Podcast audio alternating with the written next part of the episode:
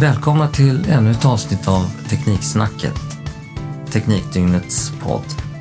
Idag har vi ett väldigt spännande ämne. Vi ska prata om framtida städer, eller Future City som det ibland kallas. Och jag heter Mats Hedberg. Och det här avsnittet av Tekniksnacket det har vi gjort i samarbete med ÅF.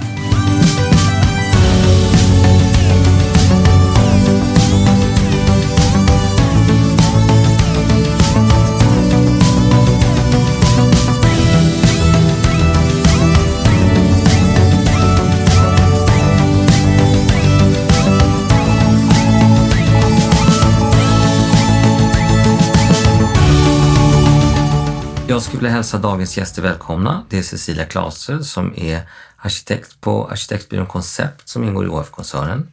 Helena Paulsen som är Head of Urban Development på ÅF och Mats Hederos VD på AMF Fastigheter. Välkomna!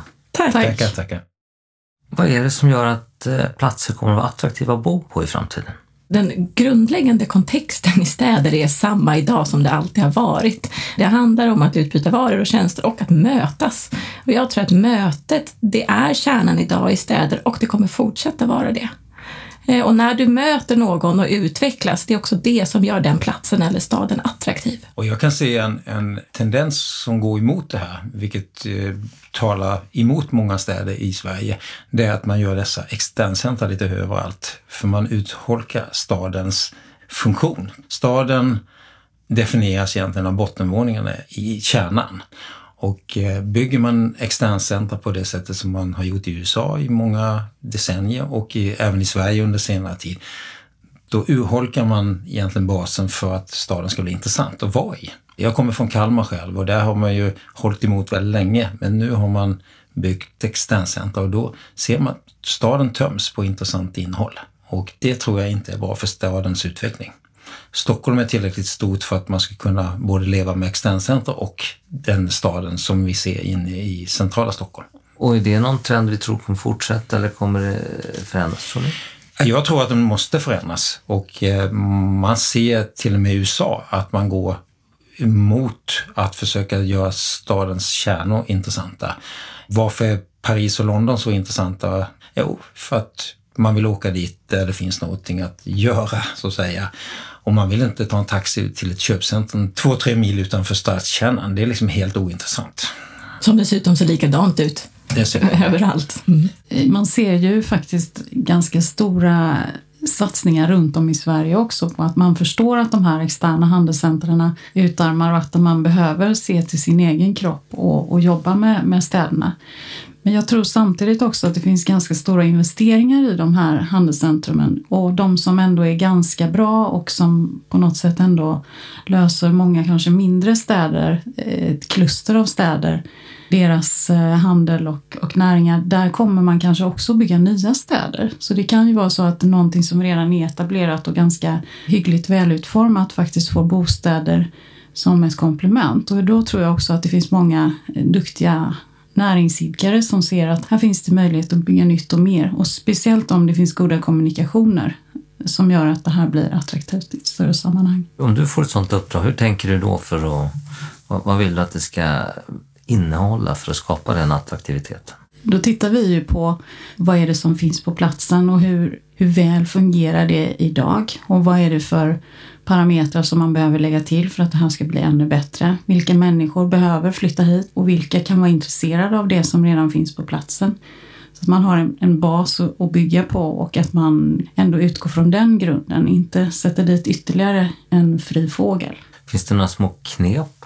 Ett knep som är väldigt enkelt det är att ha ett mycket mer aktivt lyssnande än vad vi har haft eh, historiskt sett. Har man en idé innan man går ut och lyssnar och försöker få feedback, då fångar man upp de delar som förstärker ens egna idé. Och man blir nästan irriterad och lite, eh, i vissa fall förnärmad om det är någon som har några synpunkter emot den. Och då behöver man egentligen inte ställa några frågor för det, då har lyssnandet inte någon funktion.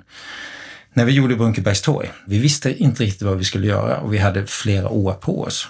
Det vi gjorde då, det var att vi lyssnade utan att ha en förutfattad mening. Och det tror jag är lite av det som vi måste ta in mycket mer. Vi är alldeles för bestämda i vad vi vill höra när vi går ut och försöker få in allmänheten och andra intressenters feedback på de idéer som vi vill, eller hur man ska utveckla ett område. Lyssna aktivt och sen kan man grunda en idé på det man får ut av de här svaren.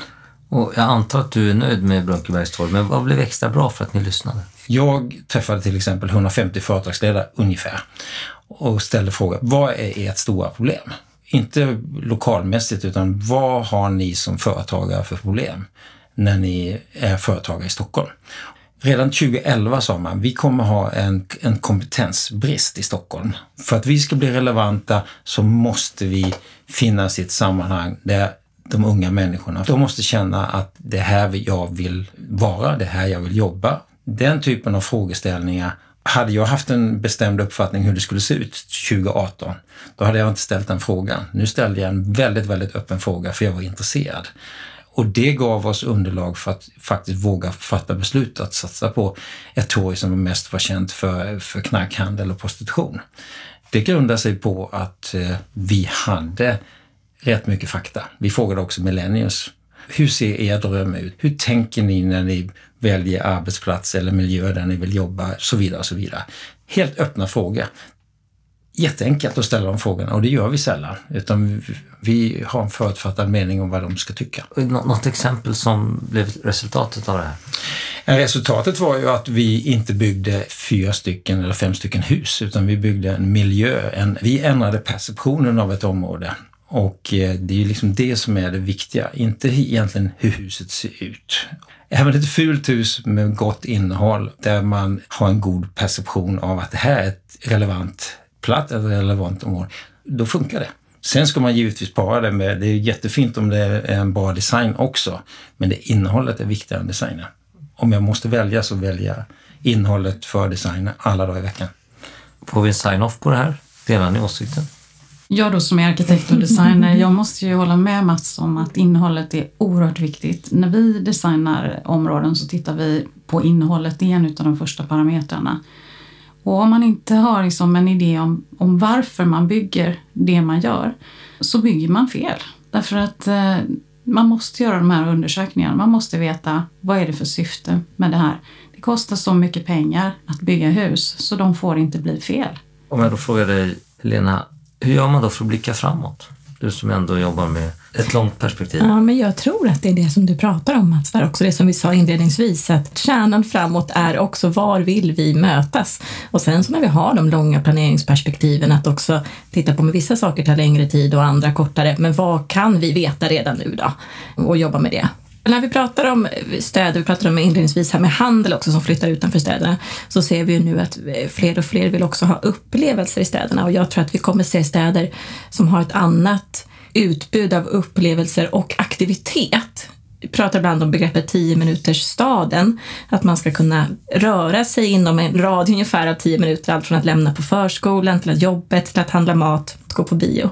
Och att hitta fler av de upplevelserna i sin närhet. Där jag tänker också att naturupplevelsen behöver vara närmre vår vardag. Ja, men det tänker jag att också ta in de aspekterna i planeringsperspektivet, att se men vad är det för typ av grönytor till exempel vi planerar för? Och mötesplatser, är det hårdgjorda ytor eller har vi möjlighet för, för gröna strukturer?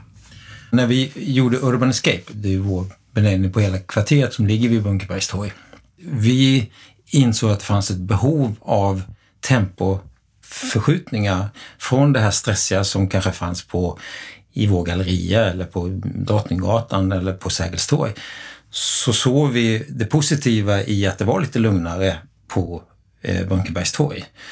Och Urban Escape, det är ju egentligen en tillflyktsort i city. Och det blev lättare att säga på engelska. Eh, central tillflyktsort var inte speciellt gångbart, så då blev det Urban Escape.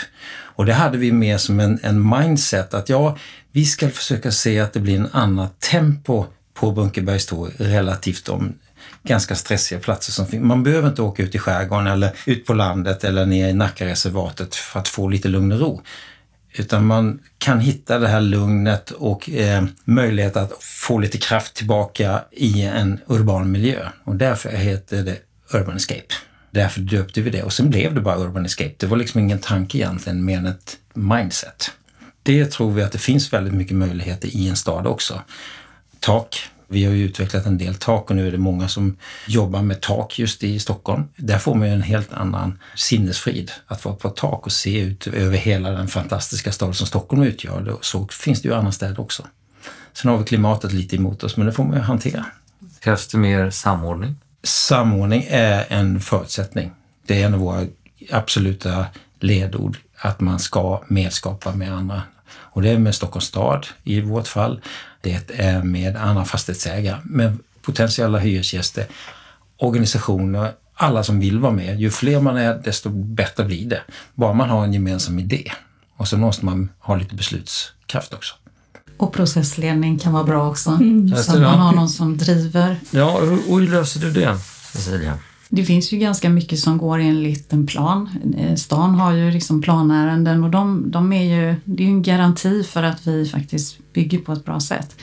Men sen gäller det ju att hitta också när man har, om man är fastighetsägare eller man är en operatör som ska bedriva verksamhet eller ta fram ett nytt koncept så gäller det ju att någonstans hitta ett sammanhang där man kan få processledning. Antingen om man är duktig på det själv för att man har en stor organisation som kan det, för det är ganska komplexa frågor. Eller så behöver man ta hjälp helt enkelt för att belysa alla de frågorna som är viktiga på vägen. Förutom de här sociala faktorerna så handlar det om miljöfaktorer och om, om eh, kalkyler, intäkter såväl som kostnader för det måste finnas en balans i det man bygger. Det är många, många frågor som ska med. Har rollen där som arkitekt och designer förändrats eh, från att vara kanske mer gestaltad byggnad till att tänka ett annat perspektiv? Behövs det andra eh, kompetenser än vad det behövdes tidigare? Vi har ju haft en period eh, efter krigstiden som har varit eh, kanske lite mer av den utarmande sorten. Där man har byggt mer kanske förenklat än vad man gjorde tidigare. Och jag tror att vi håller på att eh, gå in i en mer eh, ansvarsfull period nu med eh, både operatörer som är långsiktiga, AMF-fastigheter inte minst, men det finns många andra som liksom tar ett stort ansvar och tänker långsiktigt och även faktiskt förvaltar det man bygger.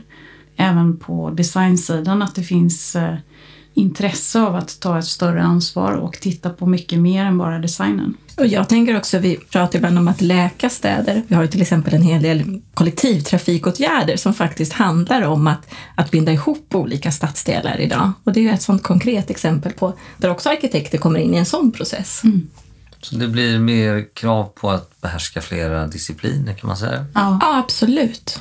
En av nyckelfunktionerna är ju att, precis som Cecilia säger här, det har väl blivit lite utarmat på långsiktigheten. Det har varit ganska korta vinstcykler så att säga. Och jag brukar ta upp Stockholms stads väldigt goda beslut att låta Atrium Ljungberg göra hela slakthusområdet perfekt. För då finns det en långsiktig aktör som ta ansvar för att bygga en stad. En del av staden som det här kan bli. Istället för att eh, ge det till en kortsiktig aktör och att snuttifiera det i små delar. I en stad måste det finnas delar som inte är lika ekonomiskt gångbara som andra för att det ska bli intressant. Och då måste man ta igen det på någon annan part. Och då måste man dels vara långsiktig och dels måste man ha en större mängd kvadratmeter för att det här ska gå ihop. Annars är det lätt att man maximerar varje kvadratmeter och då blir det ingen stad. Och det är ett väldigt bra steg av Stockholms stad att våga ta det, för jag tror inte det är helt enkelt att fatta ett sådant beslut. Men all hyllning från min sida till Stockholms stad. Och ni andra hyllar ni på? Vi hyllar också, det tror jag. För det handlar ju också om att när man bygger nya stadsmiljöer, så pass stora kostnader med inbegripet i det och vi har ju en eh, ganska hög nivå på vad vi faktiskt är intresserade av att handla eller vår servicegraden och då för att matcha den så måste det bli rätt med en gång. Man har inte tid att vänta 15 år på att det ska bli en fungerande stadsdel utan man vill ha det direkt när man flyttar in där. Och i ett sådant sammanhang så är just Atrium Ljungberg som är en, en stark aktör och som har ett uh, gott samhällsansvar. Vi tror på dem. För inte minst lite yngre människor så är det dyrt att bo i, i uh, Stockholm, även om de kanske skulle vilja. Så de väljer att bo en bit utanför och det blir en trend mot att flytta till mellanstora städer. Och, nu, och då blickar jag på Helena där. Vad ser vi där? På OF har vi gjort en undersökning med Ungdomsbarometern som visar också att dagens unga jag tror mellan 18 och 35 eh, ungefär, vill eh, inte nödvändigtvis bo i de stora städerna Stockholm, Göteborg och Malmö utan söker sig till mellanstora städer i Sverige där de också ser att det är städer som, som speglar deras värderingar och städer som har en stark identitet som de då också kan identifiera sig med. Hur långt bort hamnar man? Bor man i Norrköping och jobbar i Stockholm? Jag ser ju ett väldigt starkt intresse av att jobba i Stockholm. De intressanta arbetstillfällena uppstår i Stockholm. Och här konkurrerar Stockholm med andra större städer i Europa. Som Berlin och London och Paris och liknande. Ska man ha den typen av jobb så är det Stockholm i Sverige som gäller och vi konkurrerar då kanske med Helsingfors i vår närmiljö. Men precis som Helena säger här så, så är det svårt att bo här och, och det är nog många som kommer att bo kanske i Västerås, Strängnäs, Eskilstuna och liknande. Det är en timmes... Eh, och det är ju samma sak som att pendla till Täby med bil. Jag tror att de mellanstora svenska städerna, lite grann som den här ÅF-rapporten faktiskt visade, att de är också vinnare. Och då blir det ju runt de här regionstäderna. Det finns ganska många städer i Sverige som har en väl fungerande stad med, med god service och bra handel och en fin stadskärna. Och eh, de har ju ibland också universitet, utbildningsdelar i sig som gör att många faktiskt som kommer från andra delar av landet bor där ganska länge. Och när man har bott på en plats i, i fem år så blir man en del av den där staden. Och finns det då attraktiva saker, lättare att få bostad, jag får ett eh, trevligt arbete, så är det lätt att, att fortsätta att bo kvar där. Det är lite svårare för de här mindre, jättesmå städerna eller samhällena som är mer av bykaraktär. Så de blir ju tvungna att få mera hängavtal på de här regionstäderna. Men om de ligger bra till eller får spårförbindelse så blir de ju också attraktiva. Så jag tror det finns många vinnare i det här träffade Enköping häromdagen och de har en väldigt stark tillväxt och där också tar 40 minuter med tåget från Enköping in till stan. Men just där kan man få en annan livskvalitet i form av närhet till naturen till exempel, precis som du nämner Mats. Och med bättre kommunikationer, kanske givna att upptagningsområdena blir mycket, mycket större. Ja. Och det ser vi ju redan idag. Jag har många på mitt jobb som pendlar, typ från Västerås, Uppsala och liknande. Jag tänker också, vi pratar om identiteter här i städen och vad är de olika identiteterna? Jag tänker, vi har ett sånt där exempel, Malmö-Lund. Jag själv bor i Lund som är ju en mindre stad eller mellanstor stad i Sverige och har också bott i Malmö och Malmö har en ganska ung befolkning och när många bildar familj och får barn så flyttar man till Lund av andra eh, orsaker. Så jag tänker, där ser vi också, vi vet att Malmö har en specifik karaktär och Lund en annan, men det är ändå bara tio minuter mellan dem med tåg. Så man kan få liksom båda delar där. Finns det någonting upparbetat hur städerna lär sig av varandra? Hur får man del av best practice när man jobbar på det här sättet? Städer måste hitta sin egen identitet. Jag tror ganska lite på att försöka kopiera allt för mycket från varandra utan städer har, precis som platser har, sin historia, sin identitet och jag tror att det gäller att, att börja gräva lite i, i det snarare än försöka kopiera något annat. Vi har ju varit runt i världen och tittat på hur vi skulle kunna göra Stockholm bättre. Men vi hamnar alltid i det att vi får inspiration från New York, London eller vad det nu kan vara för något, men man måste sätta det i ett Stockholms kontext. Det är likadant, det vi gör i Stockholms city kan vi inte göra på Södermalm. Det går inte att kopiera någonting och bara lägga det i en ny kontext, utan man måste egentligen alltid börja från, från botten och hitta vad är intressant på Södermalm. Och det är inte alltid samma sak som i city eller på Östermalm, fast det är bara ett antal tunnelbanestationer emellan. Men när du har varit i New York, eller Berlin, eller London eller Tokyo eller på inspirationsresa, är det ändå så att du plockar med dig någonting som du... Absolut. Någonting så specifikt som du skulle vilja dela med dig? ett, ett specifikt tillfälle när jag träffade grundarna av ett eh, hus som bestod av kreativa näringar som heter Neuhaus, ligger på Manhattan. Och eh, då sa de så här, vi kan ju ingenting om fastigheter och vi är egentligen inte intresserade av fastigheter, men vi var ett antal personer som insåg att vi har en gemensam fiende och det är fastighetsägarna på Manhattan, för de fattar inte vad vi vill ha. Och det där tyckte jag ju lät ganska kul och, och skrattade gott åt när vi satt där på kvällen. Men när jag kom hem och skulle gå och lägga mig, då tänkte jag, ja men det är precis så som vi troligtvis uppfattas även i Stockholm. Så det är en inspiration, en insikt som jag fick med mig och det blev egentligen inspiration till att starta Epicenter. Men vi gjorde det i ett Stockholmskontext. Vi gjorde Epicenter utifrån en, vad som behövs i Stockholm, inte vad som behövdes på Manhattan, men vi fick inspiration idémässigt från andra håll. Om vi börjar närma oss någon typ av slutfas på det här samtalet, men om vi ändå ska blicka framåt 10-20 år, var, var är vi till exempel när det gäller kontor då? Ja, det gäller att göra relevanta platser. Vi gör stadsrum, eller platser, det kan man använda vilket ord man vill, där människor vill vara. Då är det just det här, ordet vill är jätteviktigt. Man måste vara relevant för den samtid man då lever i. Och då går det inte att göra som man alltid har gjort. Och att sitta här och säga vad det ska vara om, om 10-15 år är helt omöjligt. För då är man inne i samma fälla som vi varit många gånger och säga så här, ja men så här kommer det vara om 10-15 år. Utan det gäller hela tiden att lyssna och vara relevant för samtiden som, som utvecklas. Och vi som jobbar med långsiktiga fastighetsinvesteringar måste ju göra saker och ting väldigt flexibla. Och här kommer ju arkitekten in. Innehåll, göra flexibilitet möjligt så att man kan ställa om till det nya. Där tror jag arkitekter och byggherrar kan jobba mycket mer tillsammans, att göra saker och ting flexibla, för det är det som kommer att vara honnörsordet framåt. Men handlar det inte också mycket om tillit och förtroende? Jag tänker du berättade Mats om när ni utvecklade Brunkebergstorg, att faktiskt lyssna utan förutfattade meningar och att det också är viktigt framåt eh, och att våga lyssna också och att våga ta till sig av det andra säger och även samverkan som vi pratat om tänker jag också är en del i en tillit till varandra, hur vi ska utveckla framtidens städer. Och ändå tvingar oss att blicka framåt lite grann. Så en av de stora, om man tittar demografiskt så ser man att eh, det är många som blir äldre och vi kommer ha väldigt många äldre som kanske är 80 år om 20 år. Eh, de kommer ganska många till antalet. Och då kommer vi få ett problem med ensamhet. Det vet man ju att ensamhet är faktiskt ett eh, dödligt sätt att leva. Hur kan ni som eh, tongivande tänka idag för att skapa bra förutsättningar för framtiden? Ensamhet är ju en förfärlig sak och när man har påtvingad ensamhet så är det ju väldigt tråkigt. Jag tror ju, om jag får ta tillbaka till din förra fråga där med arbete, så tror jag att en sak som kommer att öka i framtiden det är coworking. Vi började för tio år sedan och gjorde en stor coworking-satsning tillsammans med Summit som numera heter Helio. Och då var det lite tveksamt. Är det verkligen så många som bygger nya företag? Hur ska det här fungera?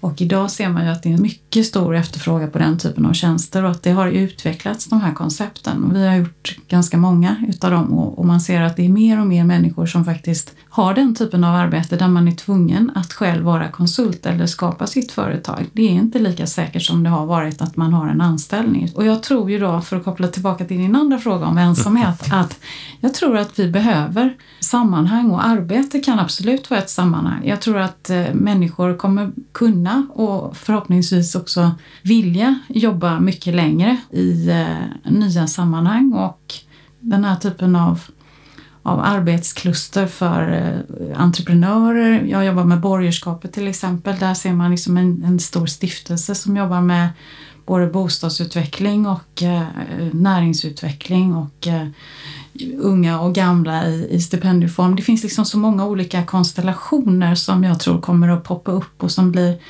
inspiration kanske till andra och där vi kommer se många nya utvecklingsområden helt enkelt. Jag hoppas det. För nästan alla människor behöver en plats och en identitet och ett sammanhang att verka i. Betyder det att vi kommer få vänligare städer i framtiden? Ja, det är ju förhoppningen. Alltså det, det, det vore ju hemskt om, det vore, om man trodde att det skulle bli tvärtom. Men en stad som Stockholm har ju förändrats väldigt mycket. Jag körde taxi på 80-talet och den staden jag då upplevde dagtid och nattetid som taxichaufför, den är ju väldigt annorlunda idag. Vissa delar har blivit bättre och andra har blivit sämre. Vi måste ju vrida utvecklingen så att den blir bra i, för fler. Det är ju det är helt klart. En annan del om man tittar framåt, det är ju att utnyttja de byggnader och strukturer vi redan har idag. Jag tror att nyproduktion, ja det är jättebra, men det som är den stora utmaningen det är ju att ta vara på det vi har. Jag tror vi gjorde en studie i våra kontor att vi använder de 22 procent av tiden mellan om det var 8 och 17 eller någonting. Och om man då lägger till den tiden mellan 17 och 8 på morgonen så är det inte många procent på ett dygn ett kontor används. Här tror jag det går att göra jättemycket. Ja, men och det tänker jag man kan koppla in till när vi pratar om kontor och coworking också. Kan det vara co någonting annat också, just de andra tiderna på dygnet? Och vad det nu må vara då? Ja, där tittar vi mycket på hur man ska göra. Men här finns det väldigt mycket problem med lagstiftning och med eh, momsproblematik och sådana saker. Att kunna utnyttja saker och ting på till exempel för boende eller övernattning eller vad det kan vara. Så här finns det rätt stora förändringshinder i form av regleringar och liknande som, som man måste ta tag i om man ska kunna utnyttja det här på ett mer effektivt sätt. Om vi byter ämne lite grann, eller inriktning lite grann, så intresset för att skapa framtida städer blir viktigare. Det kommer också göra att vi behöver fler som jobbar med de här frågorna. Om ni skulle tala till dem som funderar på, ska jag jobba med framtida städer? Vad tycker ni att de ska tänka på? Vad kommer ni vilja rekrytera för någonting i framtiden? Jag är ingenjör i grund och botten och jag tror att det är viktigt att blanda ingenjörer, för det behövs lite ingenjörskunskap någonstans. Men man måste också blanda upp det med annan typ av kunskap. Arkitektur, men också att förstå beteende hos människor. För det handlar väldigt mycket om... En stad bygger mycket på hur beteenden hos människor utvecklas. Och den kommer utvecklas mycket snabbare nu när tekniken möjliggör beteendeförändringar. Ja, och att kombinera de kunskaperna också. Att vi som OF också kan blicka mot att anställa beteendevetare och mer arkitekter. Det tror jag också är väldigt viktigt. Och jag tror också det är viktigt att låta oss prova och utforska saker. Vi har ju ett, ett jordklot som vi måste värna om och eh, vi har en eh, livsstil som kräver ganska mycket. Och då gäller det också de här miljöfaktorerna, att försöka hitta de delar där vi faktiskt kan addera värde och göra byggnationerna inte bara socialt bättre utan hållbara i alla aspekter. Och där kommer ju delningsekonomin in som en väldigt viktig komponent. Ja, ja. Att bygga nytt är ju inte alltid den mest eh, hållbara. Nej. Och konsumtionen är ju definitivt ett, någonting vi måste, Vi måste- se över. Ja, vi måste bli smartare i hur vi konsumerar helt enkelt. Det där var väldigt eh, bra avslutsord på en väldigt, väldigt intressant samtal. Jag skulle tacka Cecilia, Helena och Mats för att ni var med i den här podden Tekniksnacket som vi har gjort i samarbete med OF. Tack! Tack. Tack.